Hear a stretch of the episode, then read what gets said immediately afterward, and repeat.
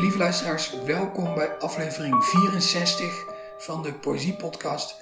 Mijn naam is Daan Doesborg en na een korte, uh, maar plezierige onderbreking van uh, twee maanden is dit weer een doodnormale aflevering. Dat wil zeggen, ik zit niet in Splendor, ik zit ergens in het befaamde gebouw van de al even befaamde uitgeverij De Bezige Bij. Uh, en dat is geen toeval, want ik zit hier met Bezige Bij-auteur Jens Meijer. Ja. Welkom Jens. Dankjewel. Of eigenlijk dankjewel dat ik op jouw uitgeverij langs mocht komen. Ze hebben het voor mij geregeld, dus ik heb er niks mee te maken. En je hebt een gedicht meegenomen van Peter Verhelst. Ja, klopt. Wil je er iets over kwijt of gaan we daar gewoon naar luisteren? Ik zou zeggen, ik zal het eerst voorlezen en dan zullen we het erover hebben. Goed? Oké, het heet You Will Live Forever. We zitten in de tuin te praten en bij elke beweging schemert huid door je kleren. De halfdroom. Nog even lopen safraan en fuchsia strepen door de lucht. Een voorbijvliegend, brandend dier. Boven het paars en zwart uitslaande huis, de matte gloed van brons, fazantkleurig goud, auberginekleurige lucht. Hoe lang nog kan ik de vlek van je gezicht zien, een van die trage, van tijmgeuren doordrenkte avonden? Heb jij dat ook, dat je Waar ben je nu? Ik hoor je stappen op het grindpad, het gangetje, uitgesleten tussen de muren die de opgeslagen warmte vrijgeven. Op het grind hou je halt alsof je wil horen hoe je er niet langer bent. Eerst draai je je hoofd van me weg en daarna je schouder. De halo van de maan, melkachtig. Je haren voor je gezicht hangend. Uit de pluimgrassen schiet de kat op me af, geeft kopjes, rent de duisternis in. Zo'n gat dat nog geen naam kent voor wat erin past, taps toelopend, zodat je niet meer kunt ontsnappen. Er is geen enkele reden om aan te nemen dat er een eind zal komen aan de stilte. Ben je bang voor deze reis? Hij zal traag zijn en heet. Ga op je zij liggen om de druk op je hart te beperken. Je zult rode kleren dragen in je droom. Grind zal knarsen, een deur zal dichtslaan, stappen komen de trap op. Een lichaam gaat tegen je rug aanliggen, gewrichtskop in gewrichtsholte. Dat is het ogenblik waarop je weet wat weten ook mag inhouden, wat eeuwig nog mag betekenen en wat is leven, wat betekent liefhebben? Het rotsvaste besef dat je eeuwig zult leven. Voilà. Dankjewel. Dat was het. Waarom heb je dit gedicht gekozen om hier te lezen vandaag? Wel, vooral eigenlijk omdat ik een enorme fan ben van Peter. Is ook voor een groot deel de reden dat ik effectief schrijf en dat ik verschillende genres schrijf. Want toen ik bezig was aan mijn ja, aan mijn debuutbundel heb ik veel van hem gelezen ook. En mijn redacteur, Katrijn, die vond het eh, een goed idee om dan met Peter contact op te nemen, om hem het ook eens te laten lezen, mijn debuutbundel dan. En hij was daar zo enthousiast over en hij was zo ja, fijn in de omgang. We hebben daar heel veel over heen en weer gemaild. Het werd echt een soort van briefwisseling. Het was echt heel fijn. En daardoor ben ik dus ook meer aan het proza schrijven geslagen. Dus hij heeft mij wel zeker in het begin van mijn tussen aanhalingstekens carrière wel echt gestuurd. En ehm, ja, dit gedicht dan, uh, er spreekt zo'n soort van onheilspellendheid uit. Het is het eerste gedicht van 2050, eh, wat een redelijk uh, ja, dystopisch-futuristische bundel is. En dit, dit voelt voor mij als het begin van iets groots. Um, zowel iets groots, zowel in de bundel, maar ook iets groots als in grote maatschappelijke veranderingen. En ik denk dat hij daar ook op. Ik denk dat hij die veranderingen zelf ook wel voorziet. Zeker in België hebben we een heel enorme opkomst van extreem rechts. Nu in Nederland ook wel een beetje, maar in België is het wel echt extremer door andere omstandigheden. Daar kunnen we het nog over hebben, maar daar zijn we er lang over bezig. Um, Peter voelt die verandering ook wel aan. Hij is heel politiek gevoelig. Uh, hij, hij, weet wat er speelt in een maatschappij, wat voor een dichter misschien ongewoon is, ik weet het. Nee, um, dat is toch het cliché van de dichter dat hij zich afsluit, of zij zich afsluit in uh, de schrijfkamer. Maar um, ja, bij Peter is het net omgekeerd. Hij kijkt heel hard naar. Hij sluit zich wel letterlijk op, maar hij kijkt heel hard en met argusogen naar de wereld om hem heen. En Dat is ook wel iets wat ik van hem geleerd heb, om aandachtig te zijn voor de wereld. Ik heb het idee dat er nu ook steeds meer futuristisch, fatalistische poëzie en, en ook, ook andere vormen van kunst komt. Zo van die. En ik, ik moet zeggen dat ik de, de bundel van Peter net voor het eerst in mijn handen kreeg. Dus ik heb hem nog niet gelezen. Maar, uh, dus ik weet ook niet of, dat, of die dezelfde kant op gaan. Maar dat, dat er steeds meer over de, de, de, de toekomst van als je de huidige lijn van klimaatverandering doortrekt. En dan in combinatie met de huidige nou ja, uh, afwachtende houding uh, daarover. Dat het dan allemaal waarschijnlijk niet goed komt. Mm -hmm. En daar dat, dat uitgangspunt uh, ja, nemen om, om over te schrijven. Laten we het daar dan tot, tot beperken. Uh, ik heb het idee dat dat, dat, dat steeds meer en steeds, op een steeds effectievere manier ook wel uh, verschijnt. Heb jij dat ook? Of? Ja, ik heb me er zelf ook uh, aan bezondigd, denk ik. zeker in mijn eerste bundel was echt heel duister en apocalyptisch, maar ook wel omdat ik het gevoel had, omdat ik dat gevoel had dat het echt duister en apocalyptisch is. Maar ik denk dat we daar ook wel als samenleving in groeien. En dat we samen ook wel naar meer dan dat en meer naar uh, meer dan het apocalyptische kunnen, kunnen vinden. Ik heb ook meegewerkt aan een project um, over overmorgen. En dat is een, ja, een verhalenbundel van heel verschillende, heel diverse auteurs over de toekomst, maar dan hoopvolle verhalen over de toekomst. En dat klinkt dan zo'n beetje, uh, ja, hoe moet ik het zeggen, een beetje hippie-achtig, maar um, het is wel echt goed gelukt, vind ik persoonlijk, om dus hoopvolle verhalen te schrijven die toch literair heel uitdagend kunnen zijn en die heel origineel zijn. En ik denk dat we dus eerst die apocalyptische fase hebben moeten doormaken, maar ik denk dat we daar een beetje voorbij zijn nu. En dat, of ja, dat we daar voorbij zijn is ook een groot woord, maar ik denk dat we nu ook verder willen kijken. Voor mij is het alleszins zo, ik wil helemaal geen apocalyptische literatuur meer schrijven. Voor mij is het, is het toekomstbeeld beschreven. Voor mij is het wat dat betreft af en wil ik verder kijken dan, oké, we gaan allemaal sterven aan droogte. Dat is een beetje te simpel, denk ik. Want zo is het ook niet, want mensen is, is heel erg geprimed om de apocalyps te zien als één muur, waarbij iedereen gewoon door God wordt uh, tot as herleid of zoiets en de heiligen gaan dan naar de hemel. Maar zo, het gaat veel trager. Het gaat veel trager, zeker met uh, klimaatverandering, waarbij de temperatuur heel gradueel stijgt. Daar zullen het eerst bijvoorbeeld oudere mensen zijn die sterven.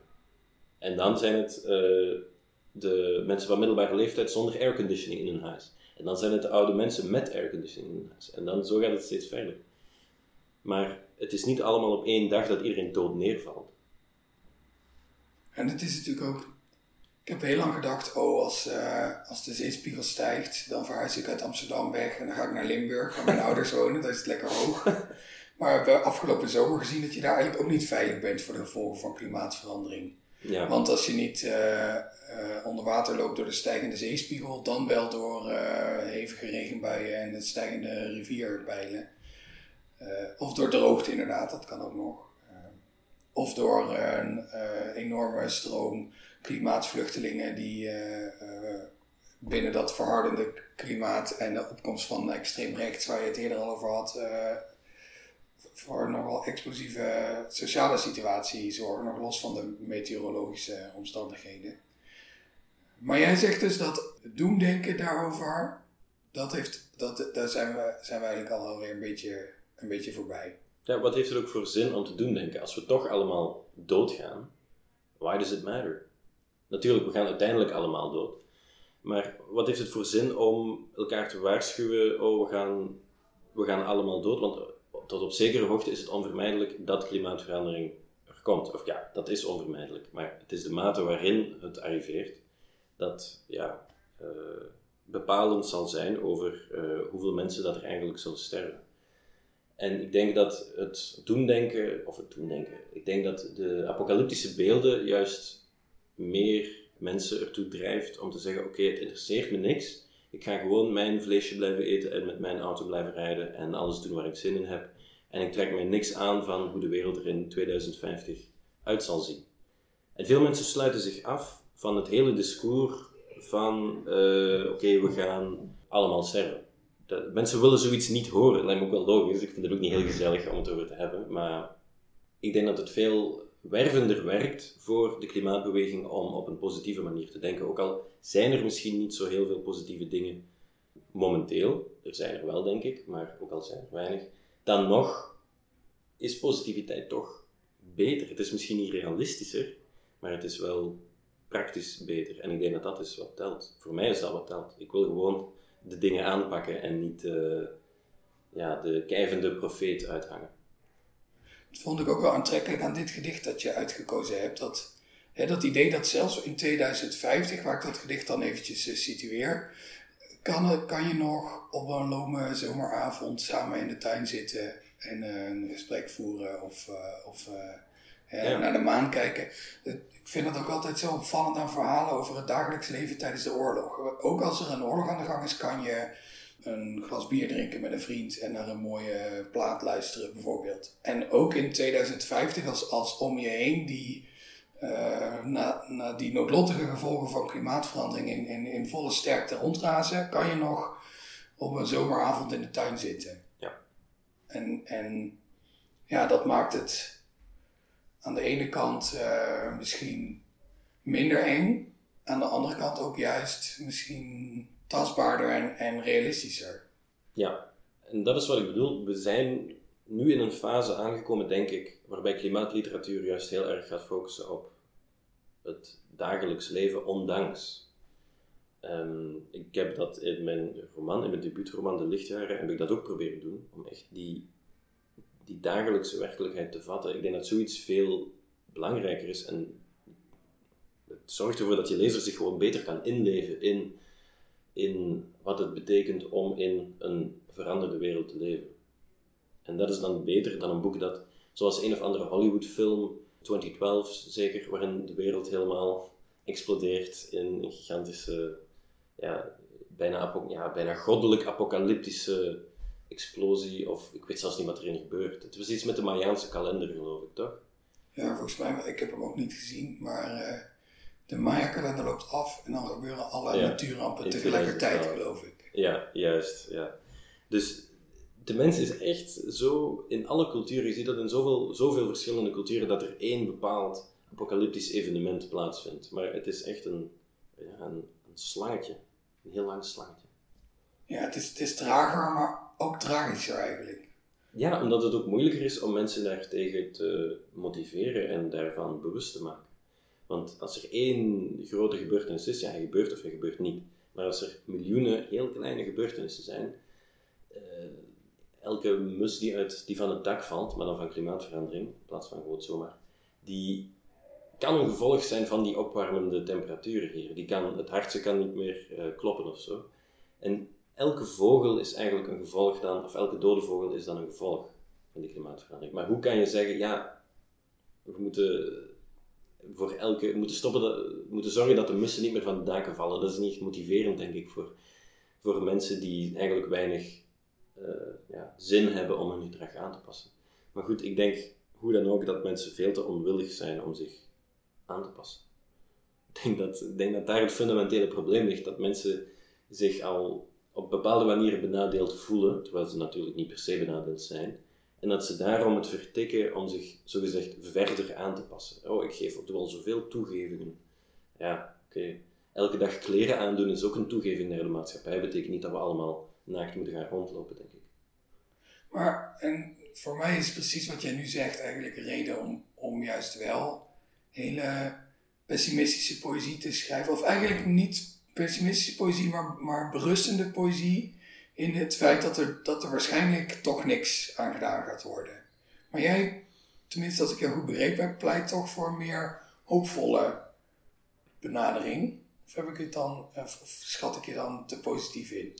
Hmm, dat is misschien te positief. Ik denk eerder, zoals eh, Peter hier in zijn gedicht doet, een soort, um, niet per se hoopvolle, maar meer dagelijkse benadering. Minder apocalyptisch alleszins.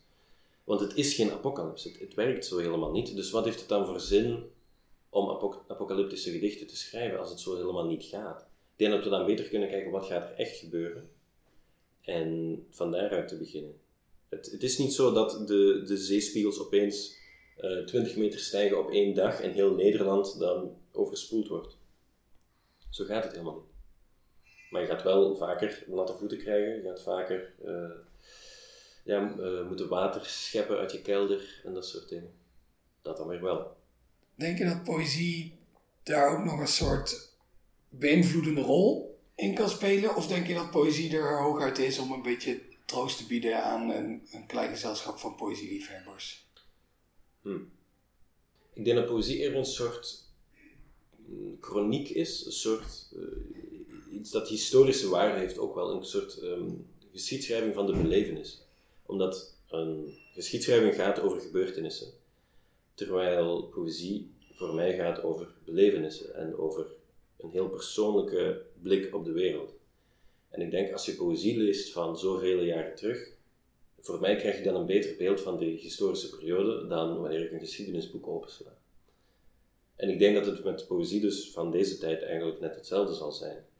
En dat poëzie over klimaatverandering, of die klimaatverandering of de toekomst als thema heeft, dat die gelezen zal worden vanuit een soort antropologisch perspectief, waarbij mensen zullen focussen op hoe wij omgingen met dit idee, oké, we staan nu op een kentering, we staan nu op een kantelpunt. En wij kunnen het nu, kunnen nu de wereld redden, of we kunnen nu het, ja, het laten vallen in de laatste seconde, zal ik maar zeggen. En ik denk dat ze zo zullen terugkijken op, op deze poëzie van vandaag. En ik denk niet per se als, natuurlijk ook als eh, vormelijk, natuurlijk ook in de vormelijke zin, als je ziet dan ja, ze kunnen dan bijvoorbeeld die verkruimeling linken aan het verkruimelen van het sociaal weefsel en zo. Dus ik stel me al helemaal voor hoe in de toekomst mensen over vandaag zullen spreken, als er nog mensen zullen zijn natuurlijk. natuurlijk waarschijnlijk wel. Maar ehm, ja, zo denk ik dat, dat poëzie gezien zal worden. Ja, want dat was mijn volgende vraag dan inderdaad. Ben je dan niet soms bang dat je voor helemaal niemand schrijft? Als je schrijft voor de lezer van de toekomst, maar je weet ook dat er een kans is dat er over, laten we zeggen, 100 jaar 200 jaar misschien helemaal geen lezers van de toekomst meer zijn? Goh, ik schrijf, in de eerste plaats schrijf ik vooral voor mezelf ook, denk ik, om de wereld. Dat is natuurlijk een enorm cliché, maar uh, om, om uh, de wereld beter te begrijpen en ook om mij te verhouden tot de wereld. Maar goed, dat gezegd zijn, het is eigenlijk heel onwaarschijnlijk dat de mens zal uitsterven binnen de zoveel honderd jaar. Omdat er een concept is dat de minimum viable population heet.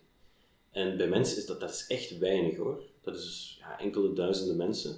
Zonder al te extreme inteelt kan de mens dan als soort blijven overleven. Dus als je dan, als Jeff Bezos bijvoorbeeld, een bunker heeft voor een paar duizend mensen, kan die eigenlijk al gewoon de wereld redden door een paar helikopters uit te sturen tijdens de apocalypse. Een paar duizend mensen naar de bunker. En voilà. We zijn gered. De mens blijft voortbestaan. Maar dan moet je wel maar net hopen dat uh, uh, Mark Rutte en Sophie Hermans in die bunker zitten en dan literatuurminnende kinderen krijgen die Nederlands lezen. Want Jeff Bezos, als, die, uh, als, zijn, als zijn achterkleinkinderen de nieuwe bundel van Jens Meijer vinden tussen de smeulende puinhopen van, van Europa, dan denken ze, oh, wat een bijzondere taal, maar ik kan het niet lezen. Ja, dat is een goed punt. so, sorry voor het, voor het afbrokkelen. Dat gaat mijn droom. Van je, van je droom. nee, ik had ook nog een, een soort brief geschreven aan Jeff Bezos voor de gids. Die is een paar weken terug gepubliceerd. Waarin ik hem ook wel redelijk hard aanpak. Voor zijn totaal megalomane project om naar de ruimte te gaan. Dat is eigenlijk zo'n absurd symbool. Hij, hij, was, zat in Blue, Blue Origin, is het zeker? Of, dat is het bedrijf, niet de raket waarschijnlijk. Ja, in zijn gigantische koker zat hij dan. Terwijl in Wallonië, in België, alles aan het overstromen was. En ja, dat was, een, was verschrikkelijk om te zien. En hij dan dodelijk naar de ruimte, terwijl dat hier op aarde, ook door zijn toedoen eigenlijk, alles zo verziekt is. In een onnodig penisvormige raket. Ja, Laten we ja. dat er altijd aan toevoegen. Ja, ja, echt no reason at all. Ja, het is, het is ergens een interessant contrast, maar anderzijds is het ook wel heel cliché om het aan te halen. Omdat het zo alles op de spits drijft. Het is zo absurd en het is zo, ja, verachtelijk bijna om te zien hoe hij en ja, natuurlijk ook alle andere ongelooflijk stinkend rijke mensen, zoals Elon Musk bijvoorbeeld, ja, de, het totaal gebrek aan besef en de totale vervreemding van die extreem rijke mensen van ja, gewone mensen, zal ik zeggen. Dat klinkt nu redelijk populistisch of zo. Maar het is zuur. Ik vind het zuur. Want je kan gerust die ruimtereis doen en alsnog mensen helpen. Maar geen van beide doen is gewoon, ja, ja daar, daar frons ik toch de wenkbrauwen van. Op zijn zacht gezegd. Soms dan denk ik, ik zou graag echt heel rijk willen zijn, gewoon om te kijken, zou ik het doen? Verandert dat echt iets in je hoofd? Of waren die mensen al zo, waren die mensen al zo onempathisch voor ze rijk werden?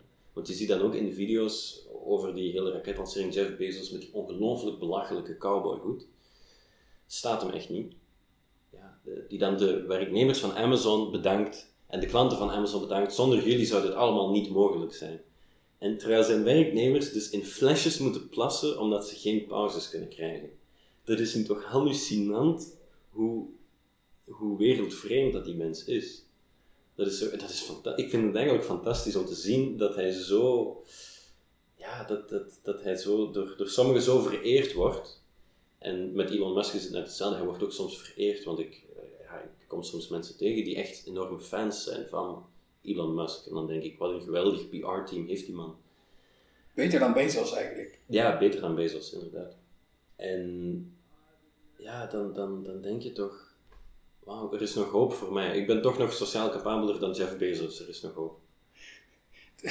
voor heel veel mensen zou dat inderdaad een soort troostend mantra kunnen zijn, want echt heel veel mensen zijn sociaal capabeler dan, dan Jeff Bezos. Ik denk dat ik mensen ken die ik als niet sociaal capabel zou omschrijven, die sociaal capabeler zijn dan Jeff Bezos. Maar ik zal geen namen noemen in deze podcast. Zou jij het gedicht van Peter Verhelst uh, nog een keer uh, voor ons willen lezen? Jazeker. You will live forever. We zitten in de tuin te praten en bij elke beweging schepert huid door je kleren. De halfdroom. Nog even lopen safraan en fuchsia strepen door de lucht. Een voorbijvliegend, brandend dier. Boven het paars en zwart uitslaande huis, de matte gloed van brons, fazantkleurig goud, auberginekleurige lucht. Hoe lang nog kan ik de vlek van je gezicht zien, een van die trage, van tijmgeuren doordrenkte avonden? Heb jij dat ook, dat je... Waar ben je nu? Ik hoor je stappen op het grindpad, het gangetje, uitgesleten tussen de muren die de opgeslagen warmte vrijgeven. Op het grind hou je halt alsof je wil horen hoe je er niet langer bent. Eerst draai je je hoofd van me weg en daarna je schouder. De halo van de maan melkachtig. Je haren voor je gezicht hangend. Uit de pluimgrassen schiet de kat op me af, geeft kopjes, rent de duisternis in. Zo'n gat dat nog geen naam kent voor wat erin past, taps toelopend, zodat je niet meer kunt ontsnappen. Er is geen enkele reden om aan te nemen dat er een eind zal komen aan de stilte. Ben je bang voor deze reis? Hij zal traag zijn en heet. Ga op je zij liggen om de druk op je hart te beperken. Je zult rode kleren dragen in je droom. Grind zal knarsen, een deur zal dichtslaan, stappen komen de trap op. Een lichaam gaat tegen je rug aanliggen, gewrichtskop in gewrichtsholte. Dat is het ogenblik waarop je weet wat weten ook mag inhouden, wat eeuwig nog mag betekenen. En wat is leven? Wat betekent liefhebben? Het rotsvaste besef dat je eeuwig zult leven. Dankjewel. Alsjeblieft. We hebben het eigenlijk vooral over de wereld gehad en niet over dit gedicht, maar misschien is dat wel precies wat Peter daarmee wil bereiken. Uh, nou, we moeten niet te veel uh, voor hem spreken natuurlijk, maar uh, ik kan me dat zo voorstellen. Dat, Ja, ik denk het wel. Ik denk het wel. Ik denk dat hij het ook gewoon beu is dat er niks gebeurt. Want het is zo... Ik hoor het hem zo zeggen, het is zo dom, het is zo dom dat we er niks aan doen. Ik hoor het hem zo zeggen. En ja, het is zo. Ik geef hem volledig gelijk. Maar ik denk dan, dan moeten we toch even nadenken, wat is de plaats van poëzie daarin? Wat kan poëzie doen? En voor, naar mijn mening, om klimaatverandering te stoppen, heb je zo'n verandering nodig dat die ofwel totaal niet door poëzie kan gebeuren, want het bereikt weinig mensen, ofwel juist wel, als je de mensen die aan de knoppen zitten, die de beslissingen nemen, als je hen poëzie kan laten lezen, dan kan er misschien wel iets veranderen door poëzie, omdat het zo'n, ja, net een naald is die verandering kan bewerkstelligen in individuen. Niet per se in grote groepen, maar wel in individuen.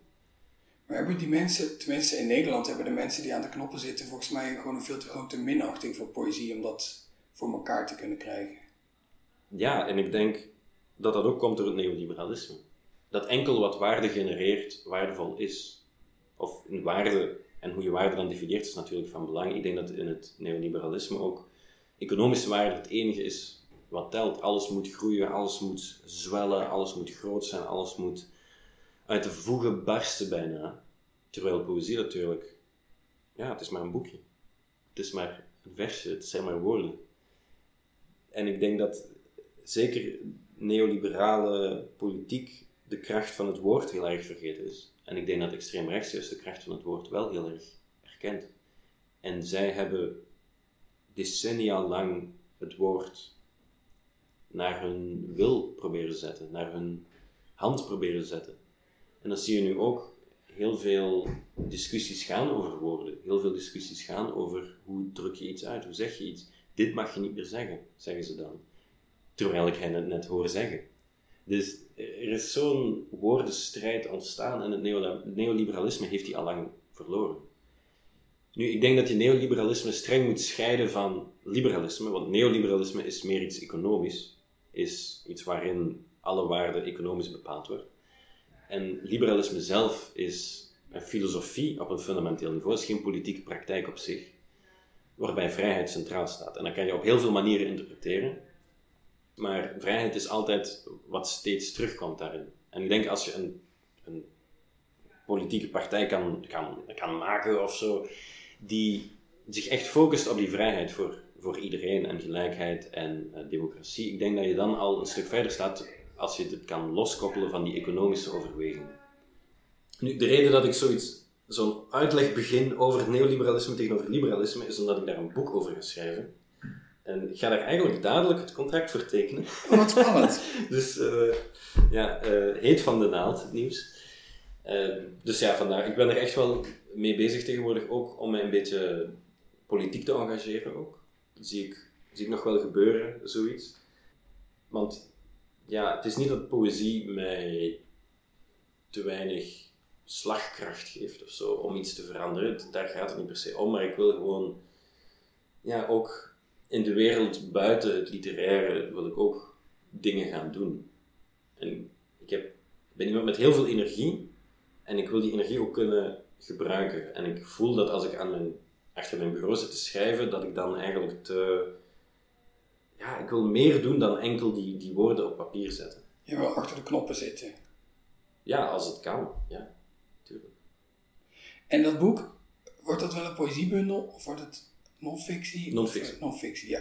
Oké. Uh, maar je werkt ook aan een nieuwe bundel. Ja, inderdaad. En daar heb je een gedicht uit meegenomen. Ja, meegenomen. Ik heb eigenlijk al mijn gedichten altijd bij, want uh, ik zet alles op Dropbox. Het is geen reclame voor Dropbox of zo, dat is gewoon... dat ook Google Drive kunnen zijn. Dus. Keihard corporate sponsoring hier. Links lullen en rechts vullen. Big Tech heeft me al gecorrumpeerd. Dus de bundel heet Sunset Industries en het is een bundel met redelijk veel uitersten erin. In die zin dat ik zowel probeer te vatten hoe het is om te leven in de 21ste eeuw, wat natuurlijk een, ja, beetje onnozel onderwerp is. Ik denk dat bijna iedereen die een dichtbundel schrijft dat wel doet. Maar dan echt specifiek vanuit mijn digitale ervaring, want ik ben nu, ik ben nu 25 en ik ben opgegroeid met digitale technologieën en er zijn niet zo heel veel dichters van mijn leeftijd, dus ook weinig dichters die echt zo opgegroeid zijn. Dat komt nog wel, maar um, je ziet dat bijvoorbeeld wel bij Dominique Groen, Maxime Garcia Diaz, denk ik ook wel. Ja, sowieso wel. Um, nu, ik vergeet er nog heel veel waarschijnlijk, maar goed, dat zijn gewoon um, mensen die ongeveer hetzelfde proberen dan, denk ik. Maar tegelijkertijd is het ook een worsteling met hoe kan ik mij verhouden tot de wereld als ik alleen maar schrijf vanuit mijn eigen virtual reality eh, positie.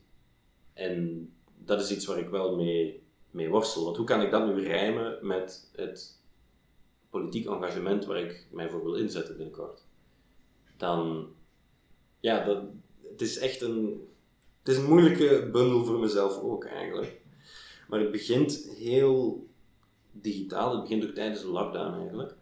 Eh, waarin ik dus echt opgesloten zat. Want in België, ik weet niet hoe het in het begin hier was, maar in België was het echt wel heel heftig. Zeker in het begin. En ehm, ja, toen was er toch redelijk, redelijk veel angst. En ik ben van nature al redelijk hypochondrisch aangelegd. Dus, uh, maar goed, ik ga een gedicht lezen dat gepubliceerd is in uh, Virale, wat een digitaal magazine was tijdens de lockdown. En het heet Aschot. Deze lange een woud om 19 uur 55. Een scheur in de muur verricht een ontsnappingspoging. De onzichtbare angst, al onzichtbaar besmet met, Jos Silvio, pull up and rewind and catch up again. Onzichtbare afscheidsbrieven, al in onzichtbare lades verborgen. Kijken naar een livestream van Boris Johnson, die soep eet. Samen met Boris soep eten tegen de muren oplopen, een koraalrif in repen, in repen snijden, in repen en daarna in de pan. Samen met Boris de lepel naar de mond brengen. Voor elke ruggenwervel chirurgisch verwijderd een nieuwe afspeellijst aanboren. Latifa. Bad bitch, nee, je hoeft me niet te coachen. Samen met Boris de mond afvegen. Deze lange een woud om 21 uur 15. Killer ik wil ook meedoen met The Voice en shit. Beleid digitaal in een versnipperaar. Het ontritsen van data als een zak met ingewanden op een wet market. Onderhandelen terwijl er hompen van een wezen afvlokken, net de verf over de romp, net het ijs klompig gemengd met dieprood sap. DJ Assault. Good life. Just got paid. Brand new Escalade. Every day is sunny. It's funny, because we're living the good life. All my bills is paid. Deze lange een woud om 23 uur 15. De hyperplasie van dit hoofd. Uitwassen van herinneringen, productiecyclus. Een viervoetig wezen met vacht waarvan de huid rauw spek doorlijnt marmer. Wezen waarvan de darmen als beteuterde lippen over de toonbank hangen. Chiv. Ik heb die rollie om mijn wrist. Dat is vier keer duurder dan je whip. Ik zet mijn voeten tegen de muur en loop zo hoog mogelijk, tot mijn rug als roerende voorheffing het letsel in zichzelf graveert. Vier keer mailen en dreigen met gerechtelijke stappen. Het gebrek aan uitgaven, laten we het slip van de rivieren schrapen. Het schuim aan de lippen ontwaken. Deze lange een woud om 23 uur 45 drank slechts met gereinigde tong in ontvangst te nemen. John. Fraser, ik heb gestaakt. Ik bouw een huis van die rags. Ik blow al die cash. Ik mis Boris Johnson en het bot van de vis zal een steen in de maag. Ik woon in een vogelnest gebouwd van graten, scherp genoeg om mijn slaapkwaliteit te vernietigen. Niet goed genoeg te zijn om naar de volgende ronde, disqualificatie uit een soort gezondheidszorg. Deze lange een woud om 00 uur 15. Onderzoeksrechter, ik herken Brussel aan de hand van de doden die ik er gehad heb. Niet de veroordeelde zanddood van troost bij de hond en de kinderen. Het laven van comateuze toestanden, comateuze jachthonden, praalwagens, in dit dystopisch gewelf de geribbelde larve, het bot van een dier dat uit de tegels steekt ik doe dit enkel voor de klank, niet voor wat ermee betekend had kunnen worden. Alles opgeschort, de ogen in isolatie geplaatst. Your Silvio, pull up and rewind and catch up again. Zoonotisch mijn beweegruimte, besmettingsvectoren klinken staal, tanden knarsen in de slaap, de regel afbraken, regelafstand tot het fysieke. Dit is nog zo slecht niet, nooit kleding moeten kopen. Deze lange een woud om twee uur vijftien. De zachte doden op de stoep, de vrieskou vogelveren, de huid van de muren gepeld om er maskers van te naaien, Dit alles zal te snel bekeken zijn om de zorg te onthullen die er als een vermoeide hond in is gekropen. Ernaast gaan liggen, lezen over spoken, dat wat had kunnen zijn. DJ Assault. Yeah, I'm in shape, but my watch is fat. Zo, heel lang. Dankjewel. En waarom heb je dit gedicht uit de bundel gekozen om eh, hier te lezen? Ja, omdat het een beetje alle thema's in zich vat. Dus die digitale ervaring ook wel, maar ook dat ik daarin heel expliciet woorden gebruik die niet de mijne zijn. Want er zit heel veel, zit heel veel van die, ja, heel commerciële hip-hop in. En dat is iets waar ik mij ook toe wilde verhouden in zekere zin. Omdat het zijn absoluut niet mijn woorden. Geeft dat mij dan wel het recht om die te gebruiken ergens?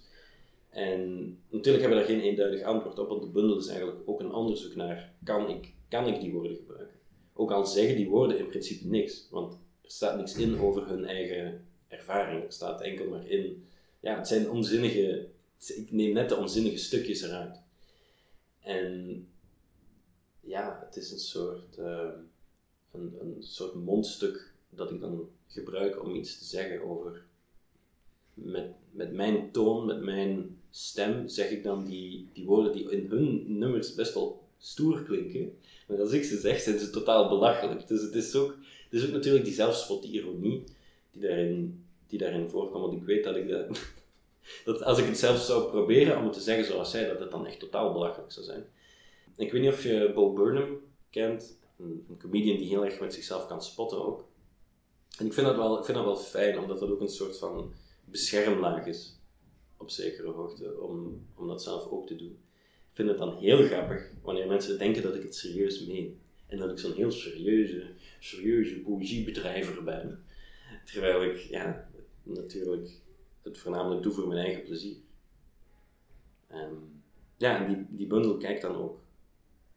Wie ben ik en wat kan ik zeggen en wat kan ik niet zeggen. Het is, ik vind het interessant dat je Bo Burnham noemt, want ik uh, probeer nu geloof ik al drie afleveringen lang uh, Bo Burnham en dan met name zijn nieuwste voorstelling Inside erin te fietsen. Vooral toen ik Maxime Garcia Diaz sprak, maar die had hem niet gezien. Mm. En, en wat het werk van Maxime en jouw werk en ook het werk van Dominique de Groen, die je net al noemde, gemeen heeft met ook het werk van, van Bo Burnham, is dat hij, ja, hij is, hij is heel goed in het, in het uitkiezen van iets uit de populaire cultuur en dat dan in te zetten op een manier die dat werk, maar ook zijn eigen werk, uh, belachelijk maakt en die er tegelijkertijd ook iets heel zinvols over kan zeggen. Mm En je had een paar jaar geleden had je zo'n zo kortlevende trend om flarf-gedichten te maken, wat ik een afzichtelijke uh, term vind, maar goed. en dan, eigenlijk is dat, is dat toen heel snel weer, weer afgestorven en nu stilzwijgend en zonder dat het de naam heeft teruggekeerd. Het is namelijk het, het verwerken van Google zoekresultaten in je gedichten. En, en ja, ik, heb het, ik heb het idee dat, dat uh, zeg maar, de, jij zelf en jouw collega-dichters van dezelfde leeftijd. Ik, vind, ik heb er heel veel moeite mee om, dat te, te accepteren dat er alweer een generatie onder mijzelf bestaat. Want ik voel mezelf nog steeds zo, zeg maar, de, de, de, de jongste generatie in de, in de poëzie. Maar het is natuurlijk eigenlijk niet meer zo. Daar is dat heel vanzelfsprekend. Ook dat, dat een gedicht bijvoorbeeld voor een deel, voor een groot deel, uh, uit Engelse woorden bestaat. En dat dat gewoon, dat is een fact of life bijna.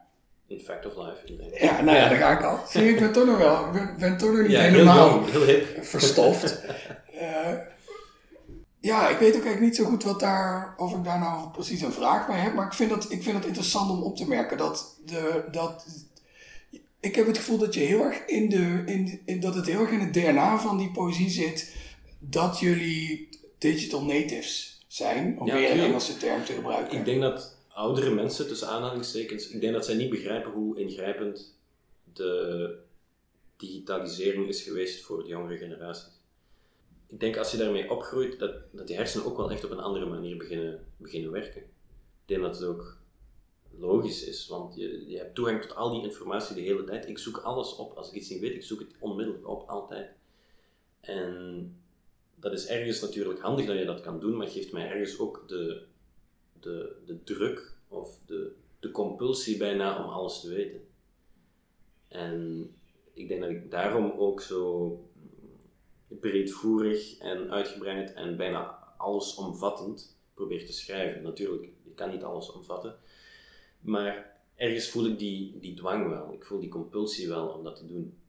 En om ook in hetzelfde werk dan bijna de hele wereld proberen te vatten of alles, heel veel dingen erin wil steken. Omdat mijn hersenen ook proberen om altijd alles op alles te betrekken en alles te weten en alles te kunnen vatten.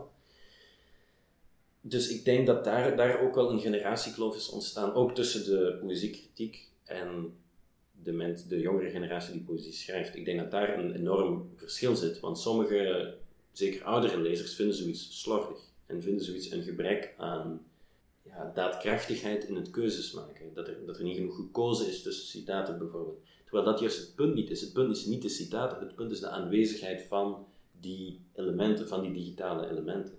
En daaraan kan je zien, en dat is wat ik zo interessant vind ook aan poëzie, dat het een soort chroniek wordt van de geschiedenis. Eh, van de ervaring van de geschiedenis bedoel ik. Dat je het verschil kan zien tussen iemand die geboren is met digitale technologieën en daarin opgegroeid is in die, die ja, die, die digital reality, die augmented reality bijna. En iemand die dat niet gehad heeft. Iemand die nog met cassettes is opgegroeid bijvoorbeeld. Daar zie je echt een enorm verschil in. En ik denk dat dat wel echt onderschat wordt ook door de...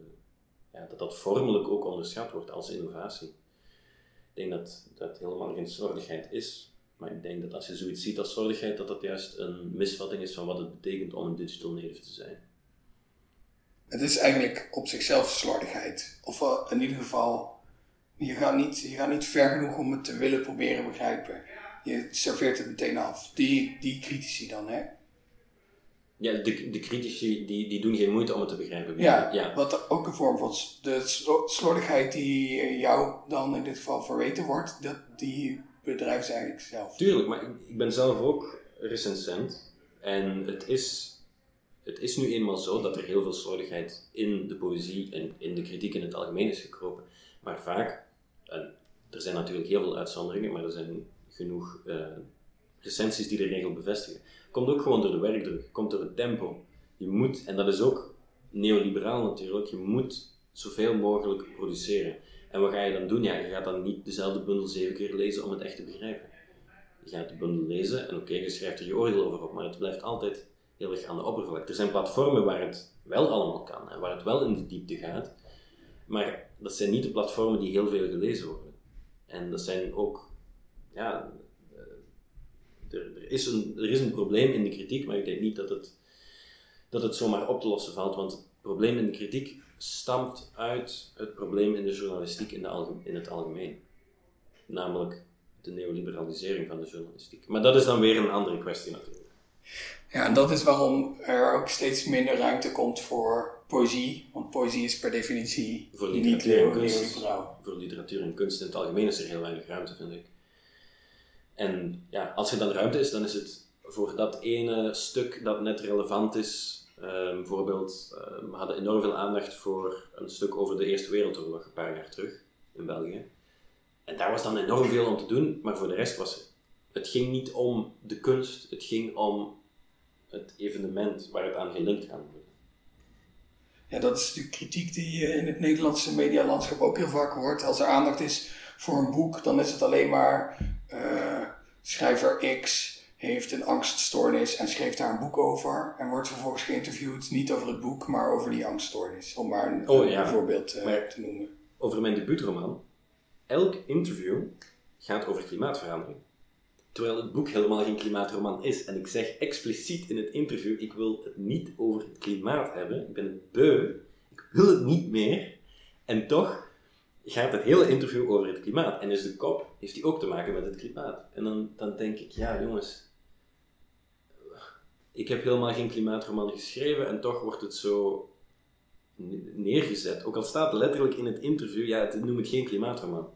Maar toch wordt het zo in de, in de media gezet. Ik vind dat jammer, want het is zoveel meer dan dat. En ik denk dat heel veel schrijvers zoveel zorg in hun werk steken, om dan op een, in een bepaald hokje geduwd te worden met een boek, dat de rijkdom van het literaire werk eigenlijk verzwijgt of wegsnijdt of, of obfuskeert.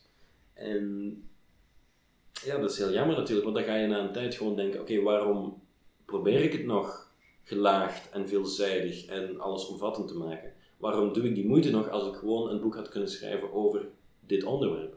Stel je nu voor, uh, ja, ik zit hier met Daan Doesborg. Uh, ja, hij heeft geschreven over het kraambed. En dit is een auteur, dat is de expert van het kraambed. En hoe gaat het over met het kraambed? Ik zeg maar een willekeurig woord hoor. Maar stel je nu voor dat je alleen maar dan over kraambedden kan spreken. En over alle verschillende soorten kraambedden. En, en merken van kraambedden en opstellingen van kraambedden. Maar nooit over waar je eigenlijk over schrijft. Over, weet ik veel, vaderliefde. Zoiets. Ja, dat zou ik dan heel jammer vinden. Maar is dat niet precies wat wij net met de bundel van Peter gedaan hebben? Ja, omdat, ja maar omdat wij het nu over ja, Peter ergens op een of andere manier willen linken aan, aan mij. En dat is natuurlijk de link, die toekomst, de toekomst uh, die, obsessie met de toekomst bijna. En natuurlijk, we hebben ook maar beperkte tijd. ja, jij moet, je, jij moet allerlei contracten tekenen zo meteen. Ja, drie contracten. Ja, heel gek. Um, maar... Uh, ja, natuurlijk moet je op, in zekere zin, de mens is ook maar een gelimiteerd wezen. We moeten op een bepaald moment ook keuzes maken in waar we aandacht aan besteden. Maar in de media, dat is een oorlog om aandacht geworden. En daarom zijn alle meest salient, dus de meest opvallende elementen worden er dan uitgepikt. En die worden dan in fluo kleuren in de verf gezet in de media. En ja, opnieuw kan je dat herleiden tot neoliberalisering van de journalistiek. Dat echt alles erop uit moet zijn om zoveel mogelijk lezers te winnen en te houden en de aandacht te trekken dat mensen de krant nemen en zo. Ja, en dan kan je dat makkelijker doen met uh, roddels over, weet ik veel, prinses Maxima, is dat nog een ding bij jullie? Koningin Maxima. Koningin Maxima, sorry, ik ben een beetje, ben niet zo royalty watcher in Nederland. Ja, dan kan je dat beter doen met een roddel over Koningin Maxima dan... Uh, met het nieuwste boek van uh, Peter Verhelst of Daan Doesborg of zo. Ja, jammer genoeg, maar het is nu eenmaal zo dat mensen wat, wat aandacht trekt, verkoopt. Dan is het logisch bijna dat je herleid wordt tot dat ene aandacht, aandachtstrekkende punt, bij mij klimaatverandering bijvoorbeeld. Terwijl ik helemaal niet meer wil schrijven over klimaatverandering. En toch doe ik het dwangmatig. Het is een obsessie. Nu is er hopelijk in, uh, in uh, dit medium, uh, tenminste dat probeer ik wel, wel aandacht voor de poëzie. Omdat poëzie op zichzelf interessant is, -hmm. zou je om die reden en omdat je zo je contracten moet gaan tekenen, je gedicht nog een keer voor willen lezen? Ja, maar dan, duurt wel heel lang. Hebben we nog tijd om het nog een keer te horen? Of is het echt, moet, is het echt nijpend? Uh, het is vrij nijpend. Oh ja, nou dan ga ik gewoon... Uh, nee, dat geeft niet. Dan ga ik jouw voordracht van daarnet nu hier nog een keer inplakken. Als God. Deze lange een woud om 19 uur 55. Een scheur in de muur verricht een ontsnappingspoging. De onzichtbare angst, al onzichtbaar besmet met Jos Silvio pull up and rewind and catch up again. Onzichtbare afscheidsbrieven al in onzichtbare lades verborgen. Kijken naar een livestream van Boris Johnson die soep eet. Samen met Boris soep eten. Tegen de muren oplopen, een koraalrif in repen, in repen snijden, in repen en daarna in de pan. Samen met Boris de lepel naar de mond brengen. Voor elke ruggenwervel chirurgisch verwijderd een nieuwe afspeellijst aanboren Latifa. Bad bitch, nee, je hoeft me niet te coachen. Samen met Boris de mond afvegen. Deze lange een woud om 21 uur 15. Killer Kamal. Ik wil ook meedoen met The Voice en shit. Beleid digitaal in een versnipperaar. Het ontritsen van data als een zak met ingewanden op een wet market onderhandelen terwijl er hompen van een wezen afvlokken, net de verf over de romp, net het ijs klompig gemengd met dieprood sap. DJ Assault. Good life. Just got paid. Brand new. Escalade. Every day is sunny. It's funny, cause we're living the good life. All my bills is paid. Deze lange een woud om 23 uur 15. De hyperplasie van dit hoofd. Uitwassen van herinneringen, productiecyclus. Een viervoetig wezen met vacht waarvan de huid rauw spek doorlijnt marmer. Wezen waarvan de darmen als beteuterde lippen over de toonbank hangen. Chiv. Ik heb die rollie om mijn wrist. Dat is vier keer duurder dan je whip. Ik zet mijn voeten tegen de muur en loop zo hoog mogelijk, tot mijn rug als roerende voorheffing het letsel in zichzelf graveert. Vier keer mailen en dreigen met gerechtelijke stappen. Het gebrek aan uitgaven laten we het slip van de rivieren schrapen. Het schuim aan de lippen ontwaken. Deze lange een woud om 23 uur 45. Drank slechts met gereinigde tong in ontvangst te nemen. John. Fraser. Ik heb gestaakt.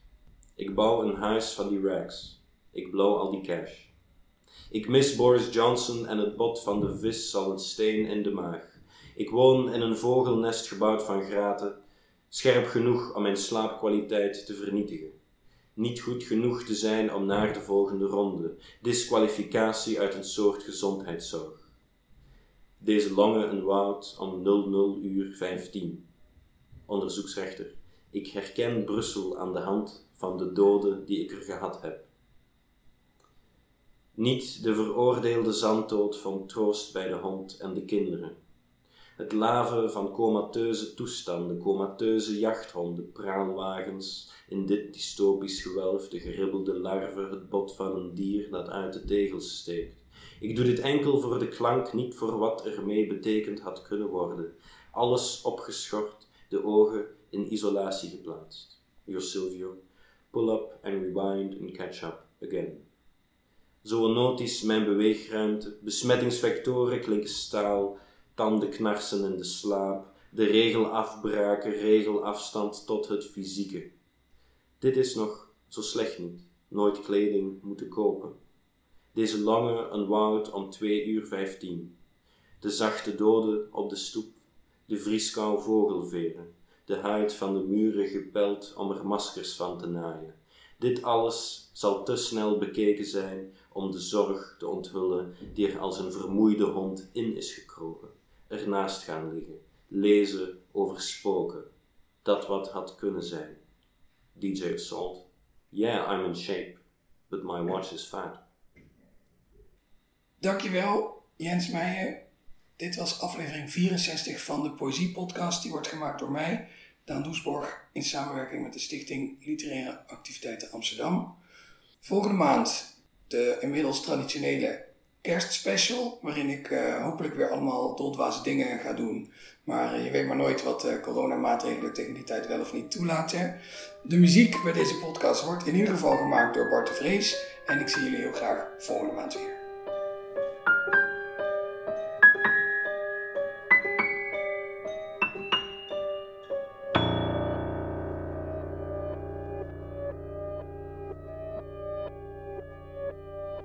Je luisterde naar een aflevering van de Poëzie Podcast. Daan Doesborg is schrijver en presentator. In 2010 werd hij Nederlands kampioen Poetry Slam. Momenteel werkt hij aan zijn debuutroman, die zal verschijnen bij uitgeverij Van Oorschot. De Poëzie Podcast wordt mede mogelijk gemaakt door de Stichting Literaire Activiteiten Amsterdam. Bij ons draait alles om literatuur. We maken programma's voor de hele stad, online en offline. Al onze podcasts zijn ook te beluisteren via onze website www.sla.nl slash slaakast.